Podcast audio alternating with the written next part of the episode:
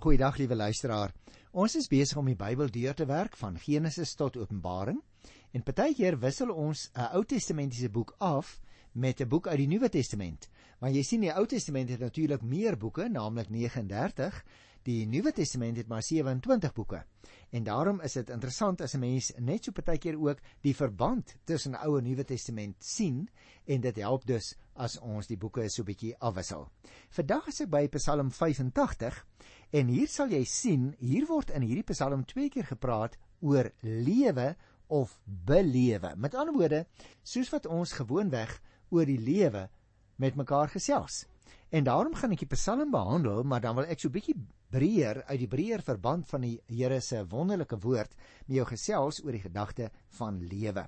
Maar kom ons doen eers Psalm 85, dan is dit ook makliker om oor die lewe in breër verband met mekaar te gesels. Jy sal sien die opskrif daarvan in die Afrikaanse teks: U was goed vir die land. As jy dus die Psalm lees, dan sal jy agterkom dit handel eintlik oor 'n vraag wat vir jou vir my ook baie aktueel is. Soek jy en ek vernuwing? Met ander woorde geestelike vernuwing in ons lewens. Ag natuurlik, liewe luisteraar, dis vir ons elkeen baie belangrik. En nou is dit interessant dat ons vier dinge in vers 11 en vers 12 sien wat baie belangrik is vir geestelike vernuwing. Ek gaan dit solank net vir jou lees dat jy dit nie sal vergeet nie.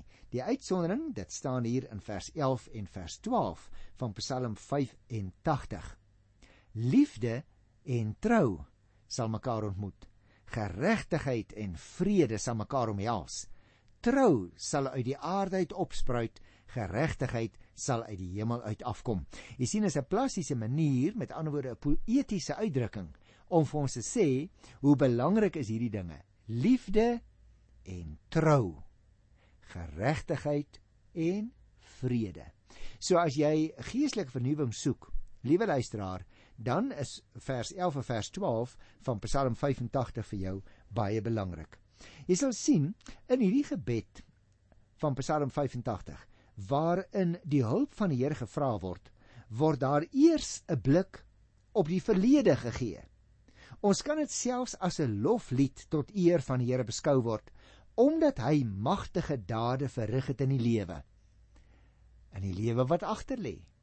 Met ander woorde luisteraar, jy en ek kan ook maar net so 'n bietjie terugkyk na ons gisters en ons eergisters. Wie ons is so geneig om mekaar te vertel van die hartseer, die moeilike dinge wat ons deurgegaan het, die moeilike kinderjare wat ons gehad het.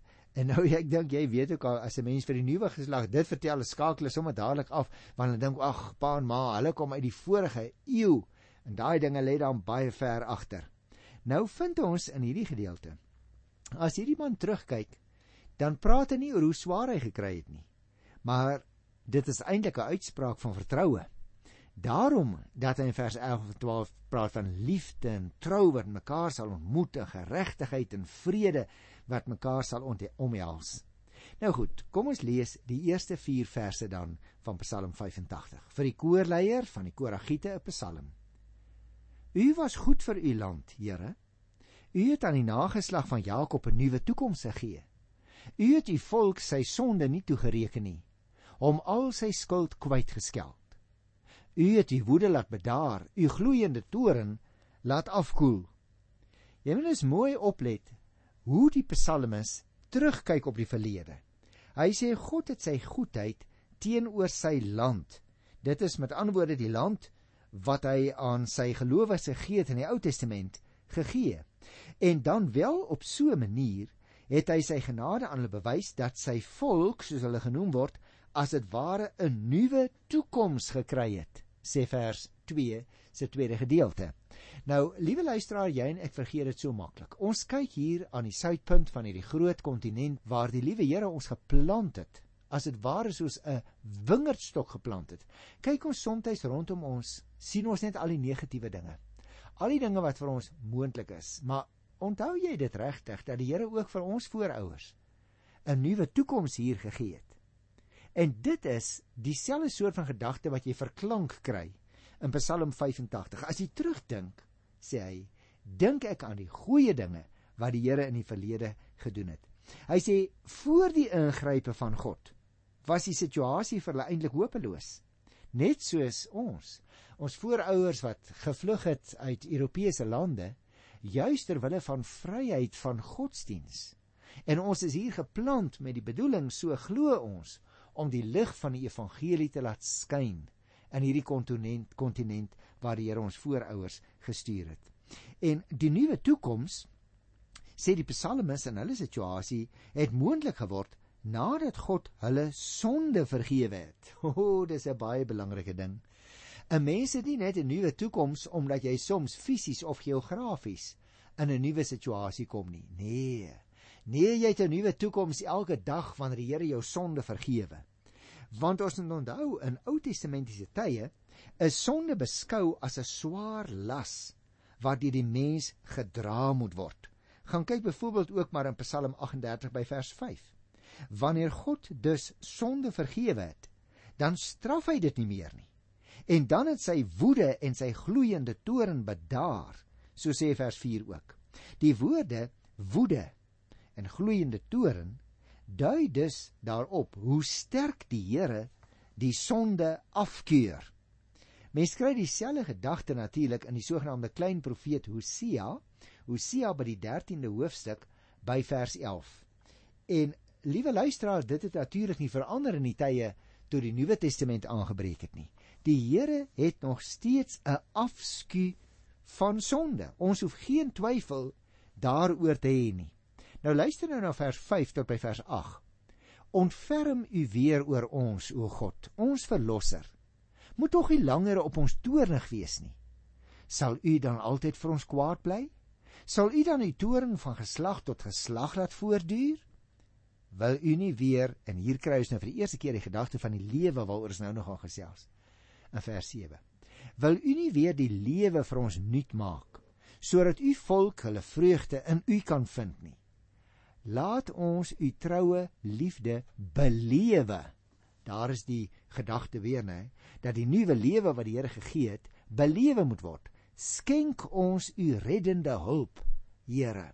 Jy sien as liewe luisteraar, die psalmis is op 'n baie konkrete manier besig om oor die lewe te praat. Want die posisie van die gelowiges in daardie situasie was verslegtend. Met ander woorde, dit het eintlik al slegter met hulle gegaan. Dit het donkerder geword. In die gebed waarin die bidder dus om hulp vra in Psalm 85, word sy gedagtes soos wat dit opgeteken is aangehaal. God word aangespreek, let nou op, as ons verlosser daar in die eerste deel van vers 5. Met ander weer eens, hoewel dit met hulle sleg gaan, want hy praat in die meervoud, moet jy oplet, hy praat oor die God aan wie hulle persoonlik verbind is, ons verlosser. Daar is dus baie duidelik 'n band van die geloof tussen die bidder en die mense wat saam met hom staan, naamlik die res van die Koragiete. Hulle is dus mense wat aan die ewige verlosser verbind is. En nou lyk dit vir my, daaruit vloei voort dat ons kan sê daarmee word dan 'n beroep gedoen op God om met sy volk te maak bid hulle soos in die verlede. Hy moet hulle dus asseblief genadig wees en sy toren so verklank hulle dit nou op 'n poëtiese manier daar in die 6de vers nie vir altyd laat woed nie en weer wat doen weer die nuwe lewe aan hulle gee jy sien luisteraar alleen as hy sonde vergewe is kan die gelowige mens ware vreugde ondervind dit blyk hier in vers 7b en dan ook in vers 9 maar ek het dit nog nie gelees nie Die nuwe toekoms is met ander woorde alleen moontlik op grond van God se genade. Jy moet ook oplet. Hy praat pertinent van troue liefde en hulp albei van die kant van die Here. Hierdie troue liefde en die hulp waardeur hulle dan verlos is. Enige sonde toestand waarin 'n mens verkeer, kan beskou word as 'n stukkie geestelike dood in jou lewe. Gaan kyk ook na Esegiel 37 vers 11. Want jy sien luisteraar, terwyl vergifnis van sonde die begin van die nuwe lewe inhou. Maar gaan nou net daaroor gesels. Kom ons lees eers vers 9 Dit lyk vir my Psalm 85 se 9de vers staan so bietjie op sy eie. En daarom lees ek hom alleen. Jy sal ook sien in die indeling in die Afrikaans kry ons dit so dat daar 'n opening is tussen vers 8 en vers 10 sodat vers 9 dus eintlik alleen staan. Ek wil luister na wat God die Here sê, want sy woord bring vrede vir sy volk, vir die wat hom getrou dien. Hulle moet net nie weer afdwaal nie. Sê hy dus as dit ware so bietjie lyk dit vir my vir 'n 'n nagedagte.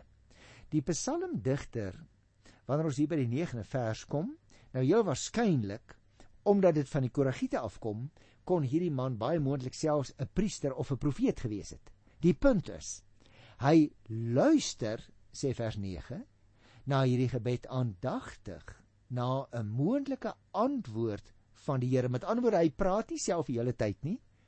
Hy praat en dan luister hy. Maar met die gebed dus in sy hart dat sy volk tog nie net weer moet sondig nie. En let daarop, dit gaan dus nie net oor dat hulle nie moet sondig nie. Hy sê dat hulle nie weer moet sondig nie. Met ander woorde, die sondige optrede van die gelowiges het as dit ware al 'n patroon geword. Is dit met jou ook so luisteraar? Baie kere moet ek erken dat 'n ding wat ek doen en wat ek verkeerd doen, wat ek selfs 'n sonde doen, is iets wat ek herhaaldelik doen. Ek het dit as dit ware al aangeleer na hierdie gebed van die eerste 8 verse luister die psalmis dus aandagtig soos 'n profeet of 'n priester soms moes luister na die Here om 'n moontlike antwoord van die Here te ontvang. Tog is daar ook 'n gebed in sy hart dat sy volk ook nie weer moet sondig nie. Dit lyk vir my asof die 9de vers juis vir jou en vir my wil oproep om versigtig te wees dat ons almekaar praat in ons gebede en dat ons ook soms moet stil bly om te luister na wat die Here vir ons wil sê. Kom ons kyk na vers 10 tot by vers 14. Dit is met ander woorde die laaste perikopie van Psalm 85. Waarlik, uitkoms is naby vir die wat die Here dien. Hy sal sy reddende mag in ons land openbaar. Liefde en trou sal mekaar ontmoet geregtigheid en vrede sal mekaar omhels. Trou sal uit die aarde uit opspruit. Geregtigheid sal uit die hemel uit afkom. Die Here sal voorspoed skenk en ons land sal sy oes gee. Die geregtigheid sal hom vooruitgaan en 'n pad maak vir sy koms. Nou hier in vers 10 tot 14 word dus in 'n sekere sin die antwoord gegee op die voorafgaande gebed van die digter in Psalm 85. Die redding, sê hy, is naby. En wanneer die redding nou kom, sal daar liefde wees en trou en geregtigheid en vrede sal weer in die land openbaar word. Die antwoord in die Psalm moet jy ook oplet, liewe luisteraar, word gegee in die derde persoon en nie in die eerste persoon. Soos byvoorbeeld in die geval van Psalm 81 nie. Blykbaar, so lyk dit vir my, dra die digter profeet die verlossingsboodskap wat hy ontvang het in die derde persoon oor soos die profete. Dis interessant, né? Gaan kyk maar in Amos 3 van die 7de vers. Hy is besig om vir hierdie mense te sê net soos die profeet Jesaja ook. As jy 'n voorbeeld wil gaan naslaan in Jesaja 46 vers 13, mens kry selfs die gedagte in Matteus 3 by die tweede vers dat die uitkoms naby is. Jy onthou dit ek al vir jou gesê het as 'n mens die profetiese uitsprake gedagte hou, dan moet jy nie net daaraan dink dat die profete noodwendig altyd gepraat het oor die toekoms nie.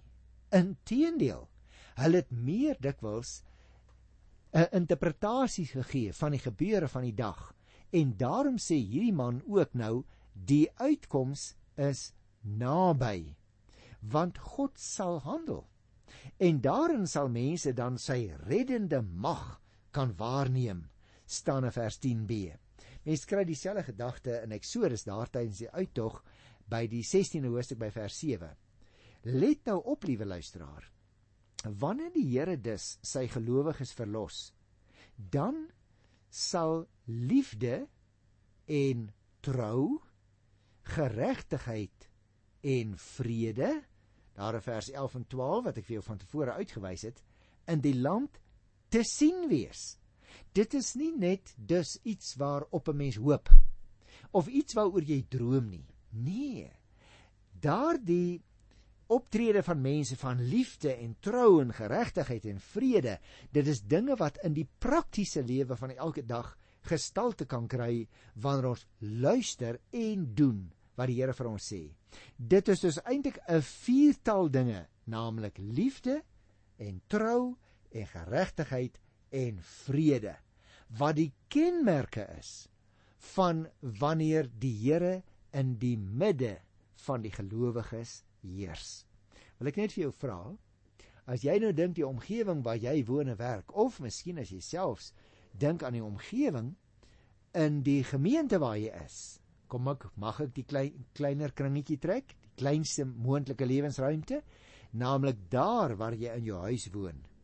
Word hierdie viertal dinge wat die psalmis hier noem in jou eie huislike situasie gesien, naamlik liefde, trou, geregtigheid, vrede. Want jy sien luisteraar, hierdie kenmerke getuig dat God regeer. Want daar waar die Here aanwesig is, dit wil sê of dit nou die tempel is, of dit in die hemel is, vers 11 en 12, of dit in die land is of in jou eie huiskring is. Dit sal die omstandige Here wees wanneer jy die Here toelaat om te regeer. Vrede kan beskou word as die samevatting van alles lyk dit vir my. Die volkomme harmonie tussen mens en die Here. En ook terselfdertyd tussen mens en mens. Ook voorspoed het die 13de vers gesê. Wat is dit? Dan is alles gereed vir die koms van die Messias volgens Ou Testamentiese verwagting. Gaan kyk maar in Jesaja 4 by die tweede hoofstuk of ook uh, die boek Hosea waarna ek ook al verwys het, die tweede hoofstuk vers 21 en 22. Uh die psalmis is dus besig om te sê dan sal daar vrede wees en alles sal weer nuut word. Luister, liewe luisteraar, enige sondige toestand waarin die mens verkeer, bring die dood mee volgens Jesegiel 37 vers 11. Terwyl die vergifnis van sonde die begin van 'n nuwe lewe aandui. Jy kry dit in Psalm 80 vers 19. Jy kry dit in die eerste twee verse van Hosea en dan in hierdie vier belangrike woorde in Psalm uh, 85 vers 11 en 12. Liefde en trou en geregtigheid en vrede. Dit is die vier woorde wat die kenmerke van God se verhouding met die gelowiges op 'n baie besondere praktiese manier beskrywe. En hierdie kenmerke getuig daarvan dat God die hele land regeer. Want hulle is net daar aanwesig, let op, waar God woning gemaak het. Dit wil sê in die tempel of in die hemel. Vrede kan egter beskou word as die samevatting van alles. Die volkomme harmonie, het ek nou nou gesê, tussen God en jou en my en ook ja, vrede, volkomme harmonie tussen my en medemense. Dis 'n baie baie belangrike begrip in die Bybel. En daarom het ek by die begin van ons program gesê, ek wil nog 'n bietjie met jou gesels vandag. Meer in die algemeen oor die gedagte van lewe soos wat ons dit in die Ou en die Nuwe Testament kry. Nou wil ek dadelik sê, die gedagte staan in die Ou Testament sentraal dat slegs God en alleen in homself die werklike lewe is. Gaan kyk maar. Mense dink altyd jy kry dit net in die Nuwe Testament, maar gekyk gerus na gedeeltes soos byvoorbeeld Genesis 16 vers 14 of Deuteronomium 5 vers 26 of hierdie gedagte van Psalm 85 waaroor ons nou 'n rukkie gepraat het vandag uh, by vers 11 en by vers 12. In teenstelling dus waar daar alleen by die Here opregte lewe te vind is, kry jy by die Kanaanitiese afgode van destyds wat as gode van plante groei, sterwe en ontstaan, nie die gedagte van hierdie lewe waarvan die Ou Testament praat nie. Gaan kyk maar. Direk in teenstelling daarmee byvoorbeeld Psalm 106 vers 28 ook. Want ons moet onthou luisteraars, afgode is dooie gode volgens die Ou Testament, omdat hulle niks tot stand bring nie. God aan die ander kant is die lewende God omdat hy iets doen, omdat hy homself laat geld op 'n positiewe sin in die lewe van die gelowiges of dit nou Ou of Nuwe Testament is. God is dus alreeds in die Ou Testament die bron van alle lewe, die bron van lewe vir die mens, vir die plante en vir die diere. Gaan kyk in Psalm 36 vers 10 of miskien een van die profete as jy wil. Jeremia hoofstuk 2 vers 13 of Jeremia 17 vers 13. Ons kan dit dus ook anders sê. Die uh lewe luisteraar is die goddelike kwaliteit wat teenoor alle nie goddelike kwantiteite staan. Die lewe van die mens kan van die van alle ander lewende wesens onderskei word. Hoekom? Want die Here God het die mens se lewensasem deur sy neusgate ingeblaas en so het die mens lewend geword. Volgens Genesis by vers 7.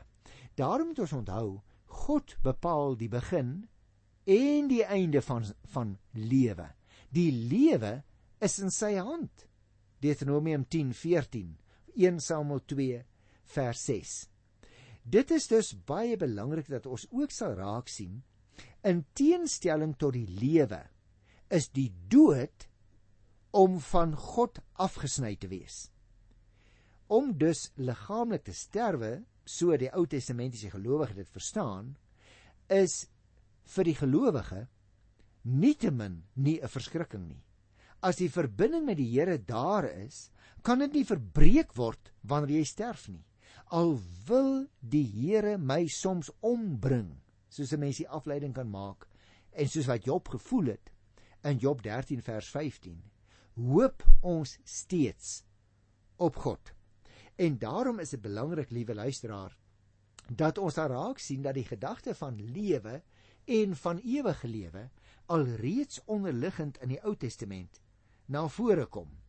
Die Nuwe Testament neem natuurlik die openbaring van die Ou Testament aangaande lewe oor, maar stel dit dan duidelik in die lig van die verlossing deur Jesus Christus. Dit word dus deurgevoer uit die Ou Testament dat die mens 'n lewende siel is, maar Christus is meer die lewendmakende gees volgens 1 Korintiërs 15 vers 45. Met ander woorde, die Here Jesus se woorde, sy gees, sy lewe daaraan kry jy en ek deel deur in die Here Jesus Christus te glo. Gaan kyk maar in Johannes 6:63. Daar is geen lewe anders te vind nie as deur Jesus Christus. En daarom leer die Nuwe Testament presies wat die Ou Testament leer, want die twee testamente staan mos nie teenoor mekaar nie, dat alle lewe van God kom. As jy dit wil naslaan in die Nuwe Testament, gaan kyk gerus in Matteus 16 by vers 16. Die Here Jesus het natuurlik die bedreigde lewe beskerm. Uh wanneer mense se lewe bedreig is soos in Lukas 9 vers 56 het hy byvoorbeeld ook ons siektes op hom geneem wat gesê is deur die profeet Jesaja Hosea 53 vers 4 word in die Nuwe Testament in Handelinge 8 vers 32 opgeneem ook in die Nuwe Testament dus lê die sin van die lewe van die mens in sy verhouding tot God daar is geen lewe volgens Ou of Nuwe Testament moontlik geen ewige lewe ook moontlik buiten die Here nie. In die Nuwe Testament trek dit saam in die persoon en in die verdienste van Jesus Christus.